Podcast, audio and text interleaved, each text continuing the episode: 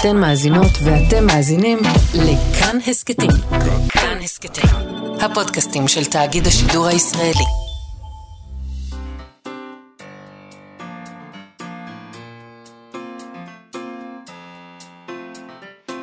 מה שכרוך. עם יובל אביבי ומה יעשה לה.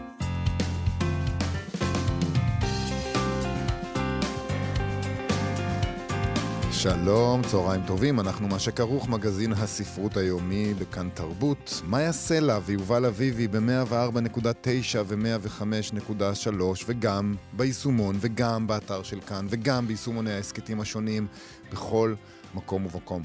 איתנו באולפן המפיקה שלנו תמר בנימין ושלומי יצחק על הביצוע הטכני. שלום לשניכם. שלום, מאיה סלע. שלום, יובל אביבי. אנחנו נדבר היום עם שירלי אבנון קרייזל על הספר החדש שלה, הבית האופטימי. אני רוצה בית אופטימי. אתה, בסדר. את לא רוצה בית אופטימי? טיפוס אופטימי. לא, אוקיי, צריך- אני רוצה. בוא, בוא, קודם כל צריך לברר מה זה הדבר הזה בית אופטימי. נכון. לפני שאנחנו רוצים אותו. אגב, על הכריכה האחורית כתוב הבית הטוב דיו, שאני לא בטוח אם אופטימי והטוב דיו זה... אז ה- היא מציעה פשוט להסתכל על הבית בצורה אחרת, אה, להפסיק, אם אני מבינה נכון את מה שקראתי, להפסיק לרצות שיהיה לנו בית מהמגזינים, אה, למי שרוצה. אה, ובדיוק כמו שוויניקוט אה, דיבר על האם טובה דייה, אה, אז אנחנו באמת יכולים לבקש לעצמנו בית טוב דיו. אה, אתה יודע, להפסיק לחיות את החיים שלנו כאילו כל הזמן יש איזו מצלמה שמצלמת אותנו, ואנחנו אמורים להעמיד פנים שאנחנו משהו שאנחנו לא. כמו העניין הזה, יובל, שיש אה, לאנשים היום, שמתי לב, כן. עם אי, אי במטבח. כן. זה. זה הדבר יש עכשיו. לך התנגדות לאי במטבח? לא, אבל זה, זה נראה לי מין, זה מין תשוקה נורא נורא מגוחכת. כאילו, אנשים? רוצים שיהיה להם אי במטבח, פסגת השאיפות. אני אגיד לך. אי. מה, מה העניין? אני כאילו, אספר מה, לך. מה הסיפור שלכם? אני יכול לספר לך מה העניין עם. האי במטבח? כן, ספר. האי במטבח, הרי פעם המטבח היה מנותק משאר הבית. היה קיר בינו לבין הסלון, נכון? אבל זה כבר לא, זה לא מכובד. צריך... זה לא צריך- מכובד כבר. צריך חלל אחד למה זה עכשיו. לא מכובד? אוקיי, צריך חלל לא אחד, מכובד, אבל כן. אז... אה, אבל אז אתה צריך הפרדה, נכון? כי הקיר הזה היה טוב, היה לך הפרדה. אז האי, הוא מצביע על זה שיש לך המון המון חלל. אתה כל כך הרבה חלל של המטבח וה, והסלון ביחד, תגיד, העיסוק שאתה יכול הזה, לתקוע שם העיסוק- אי. אני רוצה לה- להבין את העיסוק הזה בבית. כן. באמת, העיסוק השבע הזה, כן. אה, והמאוד מאוד פריבילגי והמגוחך, לא, כן. לא, אל תסביר לי. אני חושבת ש... שאני אני, אני חושבת שאנחנו תמיד, אה, כאילו, יש לנו איזה מין בעיה כזאת שאנחנו לא חיים במעמד שלנו, רובנו. אה, ו- ואז גם יש לנו את העניין הזה עם התפאורה. והשאיפות, וכל הדבר הזה שזה מחוץ למעמד שלנו, ואנחנו רואים במגזינים אה, אי, ואנחנו גם רוצים אי, כי הנה, אתה אפילו יודע להסביר למה. מרחב. יפה, כל הכבוד לך. כן, שזה יחלק, שזה יהיה חלוקה של החלל. אה, טוב, בסדר. רגע, אה, אין לך אי במטבח? מה בכלל את עושה בעולם במטבח. הזה אם אין לך אי לי- יש לי במטבח? בקושי מטבח. בכל אופן, אה, הבית זה בהחלט מקום חשוב בסך הכל. אני חושבת שצריך בו מזרון שכבר קיבל את הצורה שלך ונוח לך לשכב עליו. אה, וזה לא קל, כי נגיד אם קנית מזרון חדש, אני למשל קניתי מזרון חדש לאחרונה, כן, כן. הוא עוד לא קיבל את הצורה שלי. אני רוצה... כמה מז- זמן זה לוקח? אני רוצה מזרון שלעולם לא יקבל את הצורה שלי. אני רוצה מזרון שידחה אותי.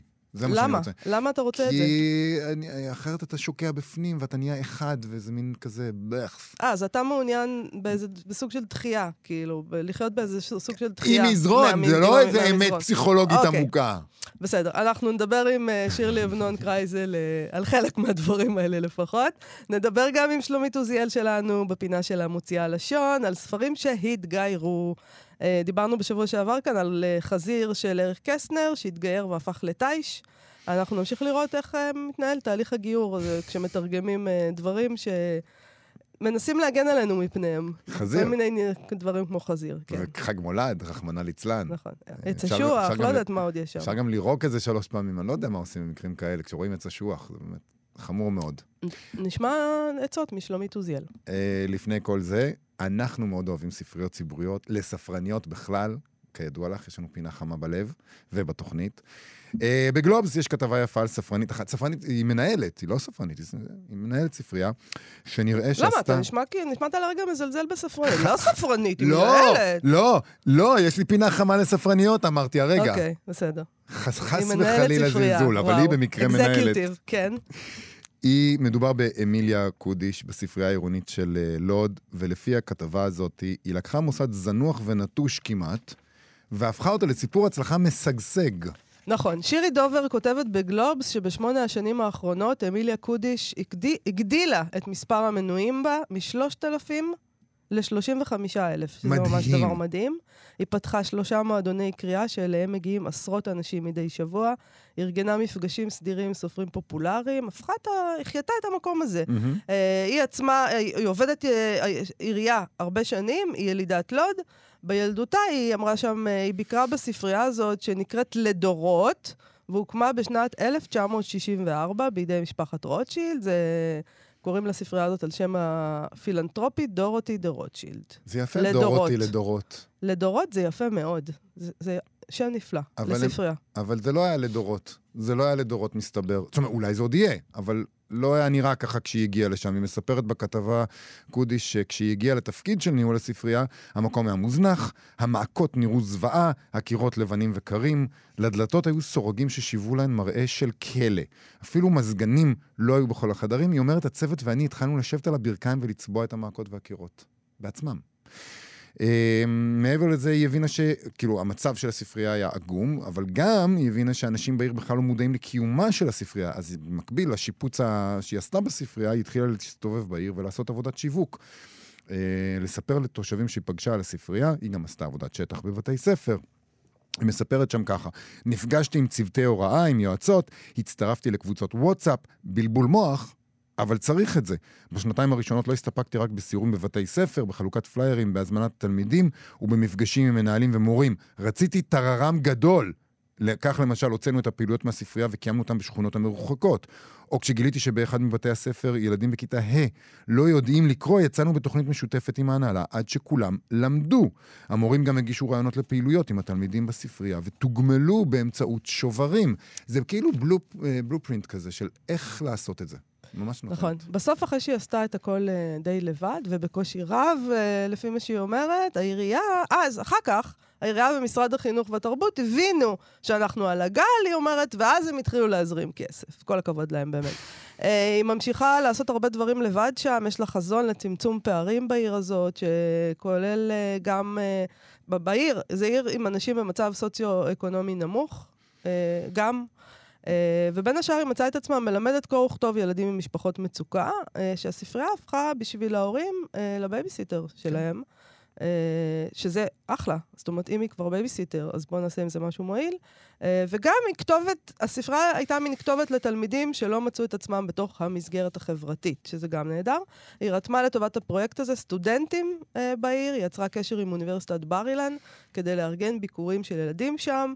שיראו לאן הם יכולים, יכולים להגיע, כן. להגיע, מהמם. ומכיוון שאין קולנוע בלוד, אז uh, היא, התח- היא התחילה להקרין סרטים, זה סיפור מדהים. שיהיה קולנוע, זה שיראו מה סיפור זה. מדהים. תשמעי, אבל צריך להגיד משהו, זו אולי כתבה אופטימית על אישה חדורת מוטיבציה שעושה את כל ההבדל עבור עשרות אלפי אנשים, מתברר, אבל זה תמיד מצער לראות שהכל קם ונופל על בן אדם אחד שמתאבד על המטרה.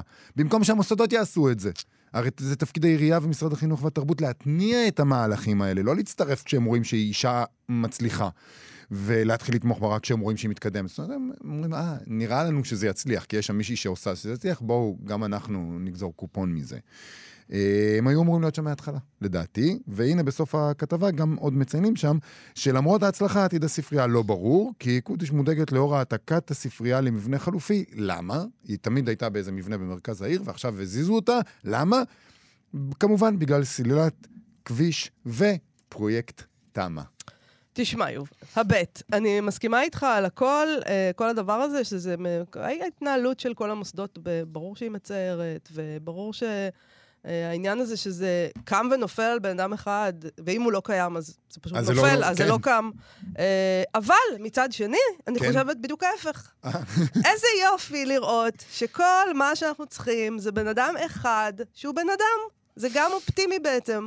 אה, אתה יודע, צריך בן אדם אחד. אז יש, יש פה ושם אנשים, והנה, דברים כאלה קורים. נכון. אז זאת אומרת, זה חבל מאוד שמשרד התרבות ככה, ומשרד החינוך ככה, וזה, אבל הנה, יש בן אדם אחד. כמה נחמד זה. אה, עוד אה, קריאה אחת יש לי ל- ליקום.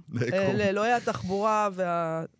מספיק כבר עם קדחת סלילת הכבישים הזאת. תעזבו אותנו בשקט עם הבטון הזה, תניחו לנו. באמת, חלאס. בסדר, די, אני- יובל. אני- אני אדאג לזה. באמת, אני אדאג לזה. תעשו משהו, אני אתקשר תפסיקו. מיד.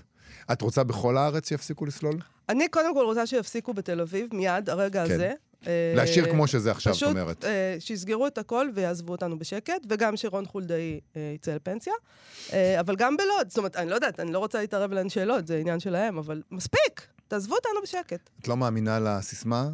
קשה עכשיו, הקלה אחר כך? לא, מה ההקלה? שיהיה עוד בטון לא, ועוד יהיה בטון. רכבת אולי ת- קלה. תטעו קצת עצים, פרחים, תעזבו אותנו, תניחו לנו.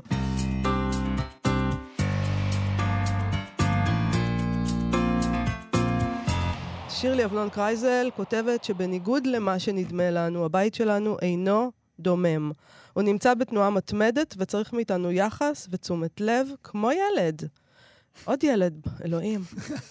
כך היא כותבת בספרה החדש, הבית האופטימי, שהוא מדריך רגשי ומעשי לטיפול בבית. שירלי אבנון קרייזל היא מעצבת פנים ומסדרת בתים, שהייתה עד לא מזמן מרפאה בעיסוק ומנחת קבוצות בתחום בריאות הנפש. והספר הזה הוא אולי שילוב של שני הדברים האלה, והם קשורים כנראה, כל הסיפור הזה. אה, יש שם התייחסות לבית ולסידור שלו, גם כמעשה פסיכולוגי, בוא נגיד, סליחה. הפרקים בתוכו, למשל, אה, עוסקים בפירמידת הצרכים של הבית, או בדינמי, בדינמיקה הרגשית של הבית, אה, וגם יש שם חדר השינה מקיפוח לטיפוח, והבלתי נסבלים, מגבות, מצעים, ניירת, גרביים וכבלים. לא יודעת לגבי מגבות, אבל ניירת, גרביים וכבלים זה באמת דבר בלתי נסבל. אה, אבל יש שם עצה טובה לגבי מגבות, יובל. כן, מה יהיה כמה מגבות בן אדם צריך בחיים? היא, היא יודעת להגיד את זה. שתיים. אה, אחת שתיים! בכביסה, נכון. ואחת שמשתמשים בה. איזה יופי, ואז גם מצעים, תכפיל. גם ו- מצעים. אני חושבת שזה פשוט, זה, זה ממש אמרתי לעצמי, אה, תודה רבה, האם, באמת. האם, השאלה האם זו גזירה שהציבור מסוגל לעמוד בה? הציבור אה, לא חי... זה לא גזירה, זאת הצעה, וזאת הצעה פשוט אה, מלבבת. כן? ממש, כן. כן. אני ממש קראתי את זה והרגשתי כזאת תחושת זרקת הקלה. מאז את כל זה- המגבות זה שלך מאוד חוץ מאוד משתיים? נחמד. אה, יש לי שלוש, אני מודה. אז זה, זה שלוש לבן אדם, אתה מבין את זה? לא, יש... ברור, אוקיי, בסדר. ברור. בקיצור, אה, הפסיכולוגיה של הבית, שהיא גם הפסיכולוגיה שלנו, אה, זה, זה הכל אה, משולב אה, ביחד. זה ספר ש, ש, שעוסק בעצם בסידור הבית ואיך זה מביא לידי ביטוי את הפנים שלנו, את, איך, המגבות, את הברדק שלנו. המגבות הן, הן, הן פיגורה.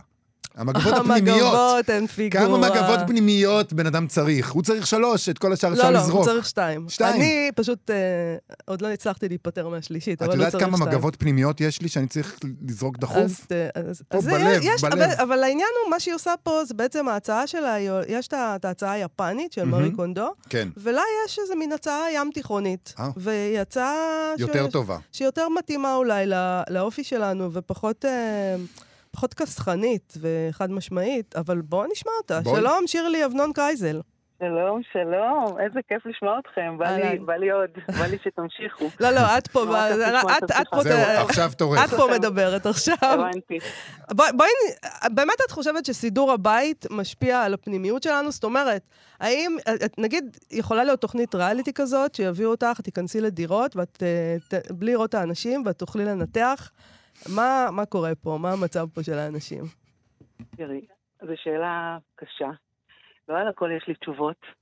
יש הרבה דברים בספר שזה מין, אה, את יודעת, רעיונות ומוגש כחומר למחשבה. כן. אמ, או שאלות שמעניין לשאול אותן. אמ, בטוח שהבית יש, לאיך שהבית נראה ואיך שהבית מטופל, זה קשור אלינו. עכשיו, האלינו הזה זה דבר נורא מורכב, כי בדרך כלל אנחנו לא חיים לבד בבית. ולכן הבית הוא הרבה פעמים אה, שיקוף של כל הדבר הזה, שכל ה, כל היצורים החיים והדוממים שחיים בתוך הבית. אה, זה מין אה, מיקס מאוד מאוד גדול. נכון, גם של הנפש אולי. אבל שירלי, נכון. גם, גם בעצם יש עוד אלמנט שדיברתי עליו קצת בפתיח היום, שאנחנו גם נורא נורא מתעסקים היום במה חושבים עלינו. ואת גם, גם על זה כותבת, על הדבר הזה שהבית הוא גם, יש את העניין של הבושה, אוי, באו אליי הביתה, אני ישר צריכה להתנצל, סליחה שמבולגן, ו- כן. וכל הדבר סליחה הזה. שאני מבולגן, או מצד שני, סליחה, כאילו גם, אנשים גם מתנצלים על זה שסידרתי לכבודכם. כאילו, מה הקטע? זה נכון. בסדר שגדר, זה כמו ש...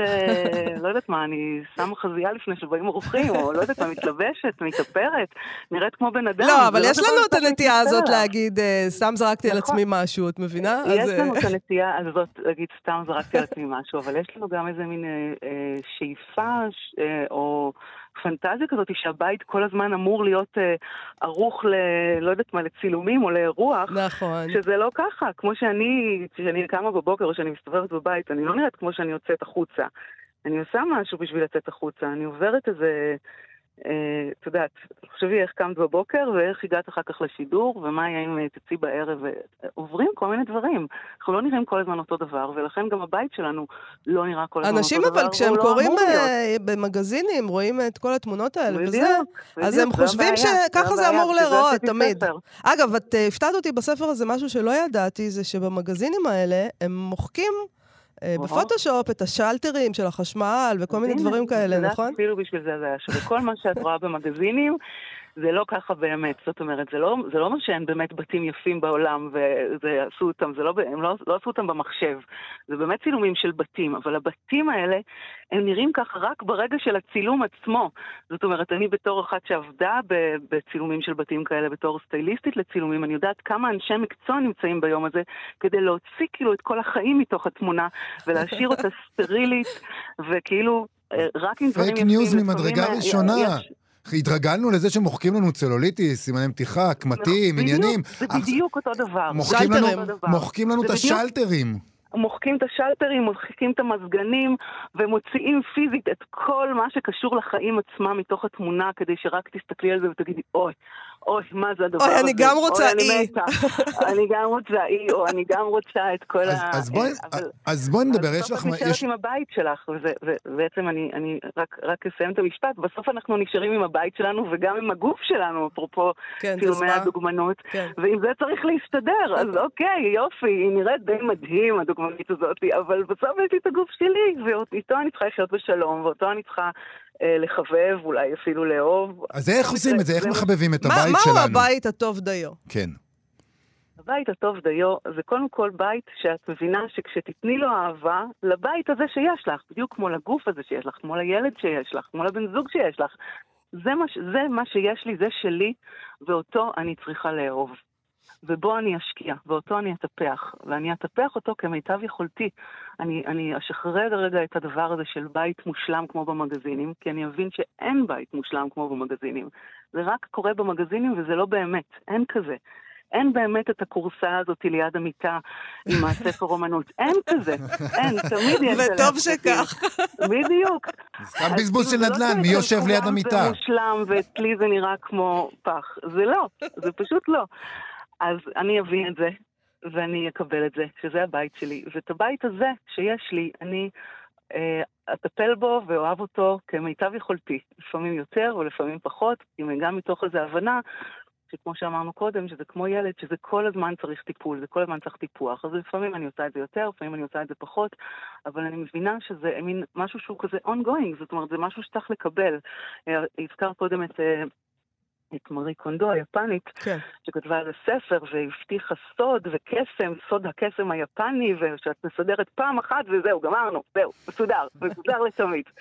אז אני, בגלל שאני עושה את מה שאני עושה יותר מעשור, ומכירה בתים, ואדם מסדר, מסודר, וכמו שאני קוראת, קוראת לזה בספר, סדרן, סדרנית מלידה. נולדתי סדרנית, וגם אני הסדרנית מלידה שעובדת בזה, ופה ושם, וגם כתבה על ספר, הבית שלי ממש ממש, הרבה פעמים, למעשה כל יום, נמצא גם במצב שאני קוראת לזה מצב פיג'מה, שזה, שזה מין סוג של איזה מין אה, ברדק כזה, אבל ברדק שטחי ויומיומי. זאת אומרת, כמו שאני כל יום מתקלחת, כי כל יום אני צריכה להתקלח, אז גם הבית שלי כל יום יש לו את המצב הזה שבו אני צריכה להעביר אותו מנקודה אחת לנקודה שנייה ברמה היומיומית, כי בבית שלי כן, חיים זה מה שאת עוד כותבת, אנשים. זה שכדי שהבית יהיה מסודר, פשוט צריך לסדר אותו, צריך לסדר וזה אותו, כל יום. זה רעיון, וכאילו זה רעיון. כזה של, כאילו מה, בסדר, אתה יכול גם לא לא. חייבים גם. לסדר אותו כל יום, אתה אתה יכול לא- כל יומיים. אבל אנחנו מדברים פה על רעיונות, וזה מעולה. אני, אמנם קשה לי גם, עם ה, גם לגבי ההורות שלי וגם לגבי הבית שלי עם הרעיון של טוב דיו, כי אני אה, מוגבל. חייב מושלם? לא, אבל אה. אני חושב שואף, שצריך, שואף, אני שואף, כן. בגלל זה אני כל הזמן אוקיי. מאוכזב. אה, אבל אני רוצה, דיברנו על רעיונות, זה רעיון טוב לעשות את הדבר הזה, אבל מה עם איזה משהו קונקרטי? איך אנחנו עושים את זה? הרי קשה לנו נורא להשלים עם הגוף שלנו. אנחנו רואים את זה באינסטגרם, את כל הגופות המושלמים האלה. נכון. זה נכון שאנחנו צריכים לאהוב את עצמנו, אבל איך עושים את זה? טוב, אנחנו לא נדבר עכשיו על גוף וזה, כי זה באמת אבל- סיפור אחר, אבל אני רק בסוגריים, אני אגיד לך שהסרתי עוקב מכל האנשים האלה שעושים לי רע, והוספתי עוקב לכל, מיני כאלה מודליות, מודליסטיות כאלה, זה, שעושות לי טוב, ושאני מסתכלת ואני אומרת, וואלה. אבל רק אולי, אולי נדבר על איזה טיפים סבבה. קונקרטיים, מהמקום שלנו, לא המקום היפני, אנחנו לא יפנים, מעניין לנו את נכון, את נכון. המשמעת הזאת. זה הים לא מש- תיכוני, הגישה הים תיכונית. קצת אוקיי, איזה משהו קונקרטי שאנחנו יכולים כן. לעשות. הגישה הים תיכונית, קודם כל אני, אני מדברת הרבה גם על הדבר הזה של אה, להכניס את, ה, את הפעולה הזאת. יש לנו את הדבר שכל הזמן אנחנו קונים, מקבלים, מביאים, כל הזמן יש תנועה פנימה לתוך הבית של חפצים. כל הזמן עוד דברים נכנסים לבית.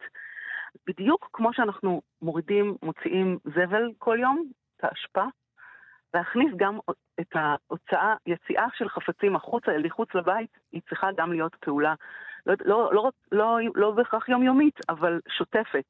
זאת אומרת שחפ... שצריך להיות כל הזמן מין עובר ושב כזה. זאת אומרת, זה גם נכנס, אבל זה גם יוצא.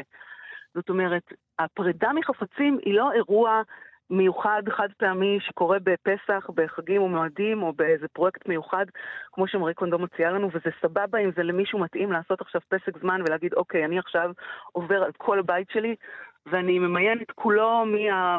כל הבגדים, כל הכלים, כל, החפ... כל הניירת, כל הספרים, בלה בלה בלה, כל הדבר הזה. אפשר לעשות את זה בפרויקט מיוחד, ואפשר לעשות את זה בצעדים קטנים. כל יום או כל כמה ימים, לא משנה כרגע, זה, אני לא, לא, לא חייבים עכשיו לסגור על המינון, אבל להכניס את זה בתור פעולה שאני עושה בחיים שלי. לוקחת כל פעם פרויקט קטן שאני מסוגלת להכיל אותו ולטפל בו. מתוך הבנה שזה זה, זה כל הזמן שם, הדבר הזה, כן? אני מדברת כרגע על הסידור העמוק, כן? לא על היומיומי. אז לא אני על רוצה לד- לדפדף אה, בספר, אה, להגיע אל האמוציונליים, שזה גם נוגע אוקיי. לתוכנית, כי אה, שם יש את העניין הזה של... של ספרים, מה עושים עם ספרים. הספרים. ואת גם כן. כותבת ששם את כבר, שם מתנהלים. כבר ביראת קודש. כי פה זה נכון. בעיה, כי את כסדרנית, כשאת נכנסת לבית, את נכון. מבינה שאת לא יכולה להגיד לבן אדם, "ס- בוא תוריד את שני המדפים האלה ותזרוק אותם לפח. תראי, יש לא, פה... לא, לא לכולם יש אותו יחס לספרים, אז זה, זה, זה לא בכל מקום אני מתנהלת ביראת קודש. אני, יש אנשים שאני נכנסת אליהם ואומרים לי, עד הספרים, הספר, בספרים אנחנו לא נוגעים. אם מישהו אומר לי את זה מכריז, שזה כאילו עד כאן, אז אני מבינה שיש לו עניין עם ספרים. לא לכולם יש עניין עם ספרים. נכון. אני אומרת לך, לא לכולם. אבל אם יש למישהו עניין עם הספרים, או עניין עם הנעליים, או עניין עם לא משנה מה, זה, זה לא משנה, עם השעוני קיר שהוא אסף. עם, ה, עם הספרים הם יותר מ... הם, הם, הם כבר אוסף, הם כבר uh, תרבות, הם כבר כמו, כמו הילדים שלו. אז ברור שאי אפשר להתייחס לזה כמו שמתייחסים למגבות uh, uh, מטבח, או כמו שמתייחסים ל... לא לסירים. ברור שיש פה סיפור אחר, כי הרי הבית שלנו, חלק מאוד גדול ממנו, מחזיק איתו אה, זיכרונות ומשאלות, והוא מחזיק איתו הרבה יותר מזה, אז החפצים הדוממים האלה, הם, אה, הם לא באמת דוממים, יש, יש שם הרבה חיים בתוכו. אז זאת אומרת שכל מקומות- חפץ דורש אה, התייחסות אחרת. זה נכון? לא מגבות. בדיוק. אלא אם כן מישהו ממש ממש חרד לגבי אוהב- המגבות אוהב שלו. נורא מגבות. נכון, בדיוק. אני רוצה לשאול אותך בהמשך לזה, אני לא מדבר כמובן מהניסיון שלי חס וחלילה, אבל מה קורה? אמרנו שזה... חבר טוב שלך. חבר, חבר סיפר לי, כן, מישהו שאני. מכיר טוב. לגבי הספרים זה הזכיר לי פשוט. אה, את, אומר, את מדברת על זה שאנחנו דיברנו על זה שהטיפול האישי, הטיפול הפסיכולוגי שכאילו אנחנו, הנפשי שאנחנו רוצים לעשות לעצמנו, נמצא איפשהו שם בתוך סידור הבית, אבל זה גם טיפול משפחתי או טיפול זוגי. מה קורה כשאנשים רוצים דברים שונים? סתם דוגמה, לגבי ספרים, אחד רוצה לזרוק את כולם והאחרת, נגיד, רוצה לשמור אותם. שוב, ממציא סתם, לחלוטין. דוגמה. ממציא. נניח. תשמע, אני לא, אני לא הבטחתי שיהיה פה פשוט. אני לא אומרת, אין, אין משפט כזה שאני אומרת טוב שהיא לא עושה ורדה רזיאל, לא תזרוק אותה. אז חלק- תתגרשו. חלק- חלק של מה שאני אומרת, זה גם לתת לגיטימציה לזה שאנחנו לא עושים את זה כי זה כל כך קשה. זה באמת קשה. כי כל הדבר הזה של סידור הוא באמת כולו כרוך בקבלת החלטות, ויש, וכשיש כמה אנשים בבית, לכל אחד יש פנטזיות אחרות לגבי הבית הזה, איך הבית הזה צריך להיראות, ומה צריך לקרות פה. לכל אחד מאיתנו בכלל גדל בבית אחר, וגם עם זה אנחנו נכנסים לתוך הבית הזה שיצרנו, והילדים שלנו, וכל אחד יש לו יכולות אחרות וחלומות אחרים, ו- ואחד מסודר, ואחד מבולגן, ואחד טוב לו בבלגן כמו שזה, ואחד חייב שיהיה סדר, ולפעמים יש ילדים מסודרים להורים מבולגנים, שמתביישים להביא את החברים שלהם הביתה, ובתוך הדבר הזה יש פערים. זה מאוד סבוך ומורכב. אני מנסה בספר אה, לשים את כל הדבר הזה, לתת לזה שמות, ולעשות איזה מין מיפוי של הדבר הזה, גם, גם להבין מאיפה, למה יש את הפערים האלה. אני אתן, אני אתן עצה על פי הספר שלך, כי היא נותנת שם את העצה על, אה, על העניין הזה של ארון בגדים. כן. אה, שכל אחד יסדר את הבגדים שלו, שלא יהיה מצב שההיא זורקת לו בגדים, ואז הוא מתעצבן, למה היא זרקה כן, לו את. ה... זה וזה. אז אותו דבר אפשר לעשות עם הספרים, כן. כי יש בסך הכל... נכון, אנשים שהרבה כל אחד שנים. ביחד, אולי זה, הם כן. קוראים לזה הספרים שלהם, אבל יש את הספרים שלך, את הספרים שלו, שכל אחד ידאג כל לספרים אחד שלו. עושה את שלו. בדרך כלל, כשמישהו מתחיל, בדרך כלל, השני רוצה גם. זה תופס, זה כמעט בכל הבתים שהייתי בהם. זה, נגיד, נגיד, זה לא תמיד האיש, זאת אומרת, זה, זה גם לא איזה משהו כזה של אה, ג'נדר, שהנשים מסודרות והגברים מבולגנים, זה ממש לא ככה. ו, אבל נגיד שאחד מבני הזוג אה, מתחיל לסדר, גם השני רוצה, ובדרך כלל אחר כך יש איזה ילד רוצה ועוד ילדה רוצה, וזה כולם, אה, זה דבר נעים, זה דבר נעים, וזה דבר מרענן, ודבר מטהר. גם אני בלי בעד להיות שמי עכשיו איזה שמפריע לו רופא. הבלאגן יסדר, יובל. זה מה בדיוק. שיש לי להגיד וגם את זה לך. אני אומרת. גם נכון, ו- אומרת, וגם זה. כתוב בספר. אני אומרת, כי, כי אם, אם זה מפריע לך, אז זה צורך שלך, אז אם אתה צריך, אז תסדר. תסדר בשבילך. אני לא מאוד. לא אוהב את הכיוון הזאת הולכת לא, אליו. לא אהבת. אני רוצה אוקיי. לשאול אותך, אבל דיברנו מקודם על הפוטושופ ועל אה, הורדת הקמטים של הקירות וכולי וכולי, כן. אבל הספר, צריך להגיד, הספר שלך מאוד יפה. נכון. מאוד מאוד יפה, והצילומים של הבתים בו מאוד מאוד מזמינים. ואני רוצה לשאול אותך על המתח הזה. איך עושים ספר עיצוב אה, מאוד מאוד יפה, שהצילומים בו נראים מאוד אסתטיים ומזמינים, ולא נכנעים לדבר הזה? איך עובדים בדיוק... אה, לאיזה דבר? לא נכנעים לפוטושופ של, אה. של השקעים.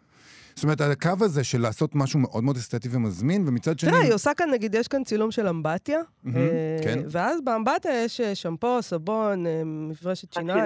לא עכשיו, בדרך כלל. במגזינים אתה לא תראה, אתה לא תראה שמפו וזה, אתה תראה אמבטיה, מקלחת. גם לא תראי בכלל אמבטיה כזאת, כי תראי אמבטיה כזאת שהיא הרבה הרבה יותר עם נגרות. זה כאילו בתים של אנשים אמיתיים בתים בעצם. רגילים, כן. אז כן, אז בעצם, בעצם זה תודה על השאלה היפה הזאת, ושמרימה גם ל- לנועה שוורץ שעיצבה את הספר, ולרוני כנעני שצילמה את כל הצילומים בספר. בעצם חיפשנו בתים, איך, ש, איך שהגדרנו אותם, זה בתים אהובים. בתים שמקבלים אהבה. שהם לא מעוצבים מדי, לא של עשירים, לא מפונפנים, ובכל הצילומים בעצם בספר לא עשינו שום סטיילינג. זאת אומרת, צילמנו as is. וניסינו להראות איך אפשר שאסתטיקה תחיה לצד אותנטיות. איך אפשר פשוט לאהוב את הבית, ושהוא יהיה יפה, ושמח, ומלא חום, ואתם רואים בספר שיש צילומים של ילדים, ושל חיות, ושל אנשים, פשוט כמו שזה. אה, מטופל ומטופח, אבל לא שום דבר שהוא סטרילי ומוגזם. רציתי שהצילומים האלה, בדיוק מה שאמרת, יהיו צילומים מקרבים, שהם יעשו לך חשק ללכת ולטפל בבית שלך, ולא יעשו לך turn-off בקשר לבית שלך, שתגיד, טוב, זה כל כך מהמם, אבל איך זה קשור לבית שלי? מה אני כן, אמור לעשות כן, עם זה עכשיו? אני עכשיו, את הריבועים האלה כבר לא יהיו לי, אז אפשר לוותר. אני רוצה, אה, שירלי אבנון קרייזל, לסיום, לומר, את הוצאת את הספר הזה בהוצאה פרטית, עצמאית, אה, אז נכון. רק תגידי לנו איפה אפשר להשיג אותו. חף, אז אפשר להשיג אותו באתר שלי, שאפשר לכתוב הבית האופטימי, או שירלי אבנון קרייזל, ויש לי אתר ואפשר להזמין אותו דרכו. וגם הספר נמצא בחנויות הספרים העצמאיות אה, ברחבי אה, תל אביב, וגם עכשיו אני ברגע זה בירושלים, אה, ו- וככה מפיצה אותו בכל מיני מקומות, וגם בעוד כל מיני חנויות פרטיות אחרות, לא ברשתות. הבית אבל- האופטימי, שירלי. אבנון קרייזל. תודה רבה תודה. לך. תודה תודה רבה. רבה רבה לכם. להתראות. להתראות. ביי. ביי. עכשיו, מוציאה לשון.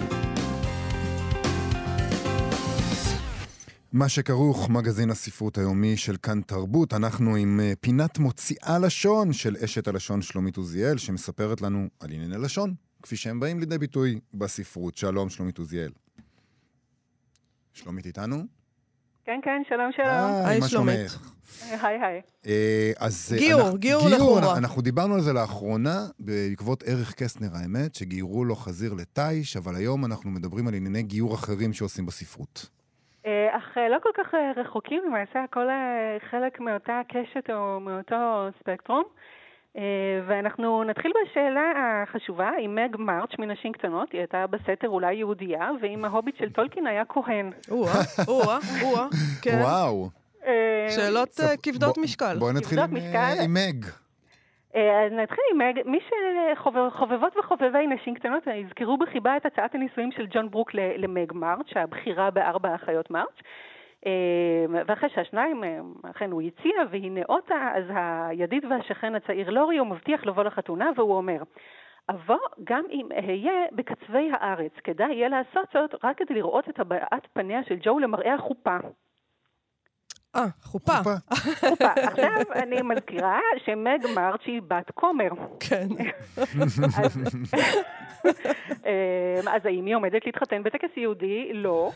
אה, החופה הצטלבה בתוכניות רק בתרגום לעברית, ליתר דיוק בתרגום של, אה, של שלמה הרב, תרגום יפה משנת 1959. במקור אה, נאמר פשוט on that occasion, זאת אומרת הוא אומר, אה, יהיה שווה לבוא for the sight of Joe's אה, face alone on that occasion. אז אה, ככה פתאום יש לנו חופה בתרגום לעברית, ולא רק אה, אצל אה, מג, אה, מצאתי גם ממש עם אותו דבר סיפור של רוברט לואי סטיבנסון, מחבר של אי המטמון, שקוראים לו סיפור המעשה על הבית עם התריסים הירוקים, ושם אומר מישהו, בחור צעיר, הוא אומר, אבא שלי הגנרל. אז מי שמדבר איתו אומר, אביך? לא ידעתי כי הגנרל יש לו בן. אז הוא עונה, אני בנו בלי חופה וקידושין, אדוני. הוא, הוא עונה ומסמיק, הוא עונה בהתאדמו. אז האם פרנסיס או האבא הגנרל הם אה, בני דת משה? אה, גם כן אה, לא, הוא במקור אומר, הם איליג'יטימצר. כן. רגע, השאלה אבל, אה, אני רוצה... זה יפה. זה אני- מאוד יפה. אני, הם, הם ניסו להגן, הם לא רצו שתחשבי לעצמך בנו הממזר או משהו כזה. השאלה היא האם אנחנו... האם יש פה כוונה? האם רוצים להגיד לנו, ת, תהיו יהודים ת, ת, בחופה וקידושין? מה פתאום? או שפשוט זאת הדרך שבה ישראלים, אה, דוברי עברית, מבינים את ככה עניין אנחנו מבינים הנישואים. חתונה, ח- כן. חופה, וזהו. אבל זה, זה, אני אני תוהה. חושבת שאלה בדיוק שני הדברים, ממש, אה, ממש אלה בדיוק שניהם, ואני חושבת, השאלה כמה משקל לכל אחד מהם. אבל אה, אני חושבת שבעניין ה, בעניין החופה באמת, בהרבה מקרים פשוט, התמונה שיש להרבה, להרבה אנשים בארצנו, כשהם חושבים על נישואים, זה טקס שהוא מתרחש, אה, טקס החתונה הוא מתרחש מתחת לחופה, וככה מדמיינים את זה, וזה מה שאומרים לקוראים כנראה, ולקוראות, כדי שהם יראו את התמונה לנגד עיניהם. אגב, יש גם היום אה, כל מיני טקסים כאלה שלא מעורב בהם רב. אה, ואנשים שעושים לעצמם טקסים, אה, ויש חופה. זאת אומרת, הם עומדים מתחת לחופה. הדבר. הזה שנקרא חופה, ויש אנשים שמחזיקים אותה, נכון. ואז בא לחתן אותם. בחתונה שלי לא היה רב. אה, אבל הייתה חופה. מישהו, זה חבר כנסת, או איזה חבר שלהם, או ריטה, או אני לא יודעת מה, כאלה, אבל זה לא קשור, ויש חופה. הם רוצים את ה... זה, ראשית מאוד נכון, ושנית נשים לב כשאנחנו מדברים על טקס חתונה אזרחי, אז זה יכול להיות, או חילוני, זה יכול להיות טקס אה, חילוני יהודי, כמו שזה אצל אנשים נכון. אחרים יכול להיות טקס חילוני נוצרי. נכון. חופה זה אה, דבר זה נורא לגמרי. יפה, זה זהו. מסמל את הבית, ומחזיקים איתך את הדבר, האנשים שיחזיקו איתך את הבית שלך, הם עוד פעם אתה מחזיקים את מתחיל איתי עם החופה. הבית, בחייך, נו. דיברנו על בית נכון, רגע, זה היה נכון, טוב, נכון. הוא בית טוב, זו חופה טובה דייה. אוקיי.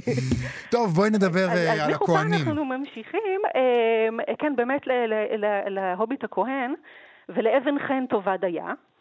אה, אז בספר ההוביט של טולקין, אחד האוצרות, האוצר הכי נחשק במטמון של הדרקון סמוג, שהוא גנב לגמדים וכן הלאה, זה אבן חן לבנה שהיא נקראת במקור ארקנסטון. והשם הזה מבוסס על אה, מילה באנגלית עתיקה שהפירוש שלה הוא אבן חן.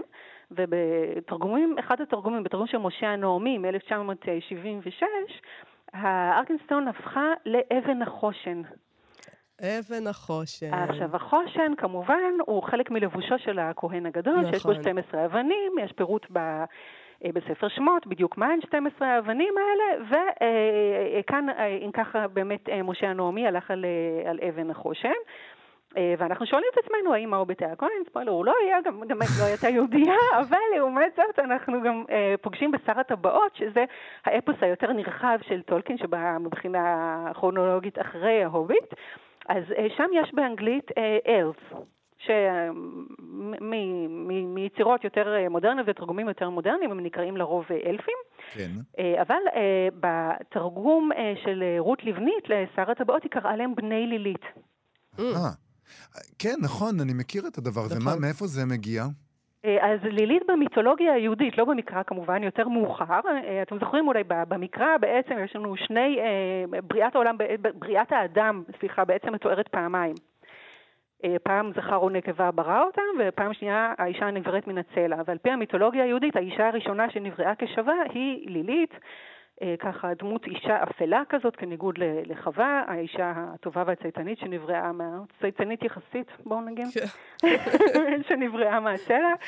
אה, עכשיו, אחרי שאלוהים לימד אותה לקח, היא כבר צייתנית. היא כבר למדה לציית, כן. היא למדה לציית, אז, אמ, אז המחשבה כנראה של, אה, של לבנית הייתה שכמו שהאלפים על פי הסיפור של טולקין קדמו לבני אדם, כך לילית, בקיצור, אה, יפה אה, דווקא. יש לנו, זה, זה מאוד יפה, זה תרגום מאוד מאוד יפה, אבל כמו עם התרגומים האחרים שראינו, שוב, לטוב ולרע, זו שאלה של בחירה, כן? זו זה פשוט שאלה... מרחיק מהמשמעות המקורית מאוד, אה, והוא מכניס שם משמעויות נוספות. לגמרי, כי טולקין לא התייחס, והוא ידע, הוא היה איש אה, משכיל, ידען, והספר שלו יש בו הרבה דברים דתיים, הוא היה יכול אה, להתייחס למיתולוגיה היהודית, לא התייחס, אבל זה משהו שיש לנו פה בתרגום, ואנחנו נשאל את עצמנו אה, תכף, האם בכלל אפשר לתרגם בלי אה, לשנות את העולם התרבותי והאסוציאטיבי שמשתקף בתרגום? לא, כאילו, זו כמובן שאלה של מידה, נכון? נכון. אנחנו דיברנו אז כאמור על אה, זה שנגיד חג המולד חייב לעבור לחנוכה, להפוך לחנוכה במובנים מסוימים, בתרגומים הוא מסוימים. לא חייב, הוא היה חייב פעם. פעם. חשבו ככה, אני חושבת שהיום פחות חושבים ככה, לא? עכשיו, עכשיו יש ספר חדש של, אה, של רולינג, נכון? שנקרא ג'ק וחזיר חג המולד. גם חזיר, גם חג המולד על הכריכה, אף אחד לא שינה את זה. אבל יש לך אה, על פסחא, נכון? יש דוגמה מפסחא. אז יש דוגמה מקסימה אה, בעיניי, והיא דווקא יחסית מאוחרת, היא מ-2014, שזה אה, לפני שנים אה, אחדות בסך הכל, והספר הוא שחקן מספר אחת, Ready Player One, אה, ספר מדע בדיוני של הסופר האמריקאי ארנסט קליין, וראה אור בעברית בת- בתרגום של דידי חנוך. אה, והספר מספר על משחק מחשב שמתרחש מציאות מדומה, המשחק נקרא אואזיס, ובמסגרת המשחק המשתתפים צריכים לחפש Easter egg, שאולי אה, חלק מה- מהמאזינות, מאזינים יודעים מה זה, זה משהו שהוא, זה מונח מקובל, Easter egg, שמציין הפתעה שמוחבאת בתוך משחק מחשב או סרט וצריך לחפש אותה, כמו ש...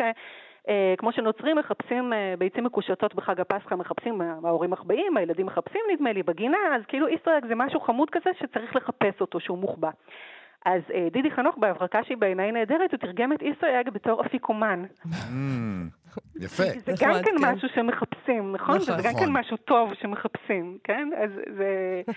אז, אה, אז, אז באמת זה מעלה שאלה, כלומר, השאלה הכללית שאיתה אנחנו נצטרך לסיים, עד כמה בכלל אנחנו יכולים להימנע מהדברים האלה, ועד כמה זה דופק את הקוראים כשהם מקבלים כל מיני דברים שבכלל לא היו במקור?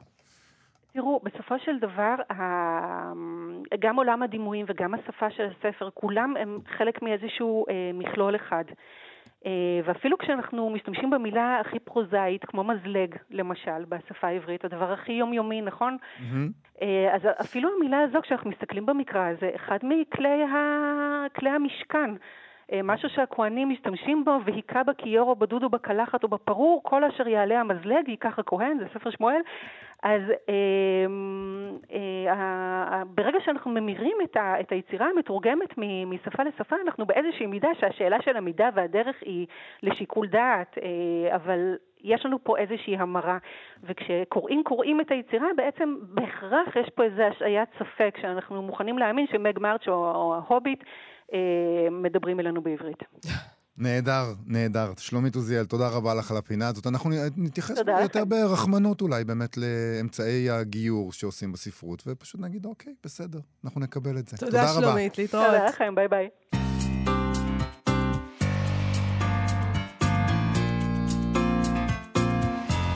אנחנו עם אה, סטטוס ספרותי שעוסק אה, באלבום החדש של קנדריק למר. משהו שכל העולם מדבר עליו כרגע. כל הצעירים, אני לא יודע. כל האנשים... מסביבי גם, כל כך הרבה מעודכן- אנשים המון אנשים מדברים. מעודכנים מאוד. מדברים עליו. אה, יובל פלוטקין, עיתונאי הספרות, כותב עליו, סטטוס ספרותי. אה, זה ספרותי. מה- זה, אתה נשמע לא משוכנע. כי, כי כאילו צריך להצדיק את זה. מה אתם מקשקשים מה פה אתם על מדברים קנדריק פה על למר? קנדריק למר? אני אפילו לא. בטוח אה, מי זה. לא, שמעתי. אותו. לא, שמעתי בעבר. אני אפילו שמעתי חלק מהאלבום החדש. גם אני, אתמול. אני שאלתי... כדי להתעדכן, כדי להבין על מה. יאללה, בואי נעשה את כל הדבר הזה. אמרתי למי שהשמיע לי, אבל מדוע כל גסות הרוח, כל גסות הרוח הזאת? למה הוא מקלל כל הזמן, הבן בליעל הזה? באימא שלי, באימא את שלי זה? מה שאמרתי, למה כל הקללות? מה, אי אפשר, שורה אחת בלי, בלי עשר קללות? תן לו, אוקיי. תתן בוא, איזה בוא, מילת רגע, חיבור. נדבר על זה עוד מעט. בוא נשמע מה יובל פלוטקין אומר. יובל פלוטקין אומר דברים יותר חכמים ממני. אה, הוא אומר כך, הוא כותב ככה בפייסבוק. משהו על קנדריק למר, נזכרתי אתמול בפסקה יפהפייה שכתב אריק גלסנר על דיוויד פוסטר וואלאס, אריק גלסנר המבקר. אז הוא כותב על דיוויד פוסטר וואלאס, ואז מגיע הציטוט שלו. איזו תרומה יכול סופר גדול, בעצם נשמה גדולה, יהיה תיאור הולם יותר, להביא לתרבות בה הוא פועל? איזו הקלה משמעותית יכולה נוכחותו להביא? איזו עזרה חשובה בנשיאה בעול, איזו הירתמות מרשימה לנשיאת האלונקה שהינה החיים העכשוויים. איזה בן לוויה ומורה דרך באינפרנו שהוא לעיתים התרבות העכשווית יכול סופר גדול להיות. אני מדבר על סוג נדיר של סופרים שקשובים באופן מחודד לרוח הזמן, הפורטת עליהם כמו על פעמון רוח, אך מאידך גיסא ובאופן מפ... מטאפורי שונה לחלוטין, הם בעלי מוצקות אינדיבידואלית בסיסית, ואותה רוח נשברת עליהם, כמו שהיא נשברת לנוכח צוק ניסה. עד כאן הציטוט יפה, המאוד יפה אריק של אריק גלסנר. מהמם. אני חייב להסכים, אני מאוד אוהב את דייוויד פוסטר וואלאס, וזה מז- מזקק משהו שמאוד מאוד אה, יפה.